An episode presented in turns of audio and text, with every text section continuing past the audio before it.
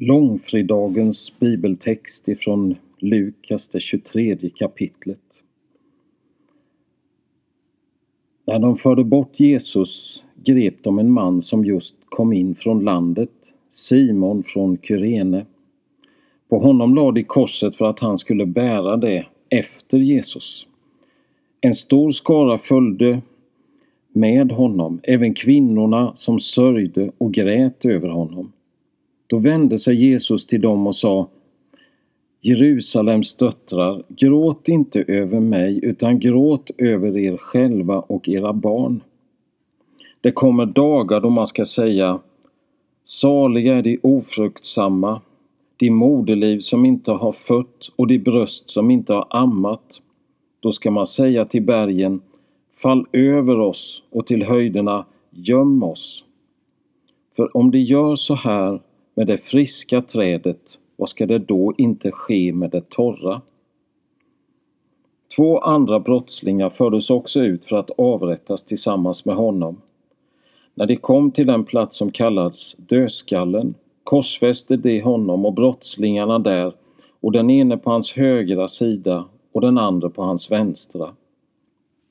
Men Jesus sa Förlåt dem, för de vet inte vad de gör och de delade hans kläder mellan sig och kastade lott om dem. Folket stod där och såg på.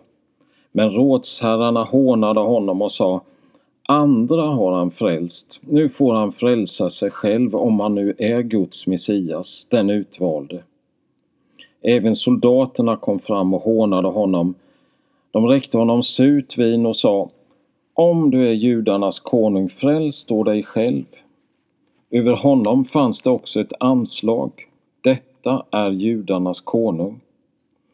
En av brottslingarna som var upphängda där hånade honom och sa Är du inte Messias, fräls då dig själv och, och oss också. Men den andra tillrättavisade honom och sa Fruktar du inte ens Gud, du som är under samma dom? Vår dom är rättvis, vi får vad vi förtjänar för det vi har gjort men han har inte gjort något ont.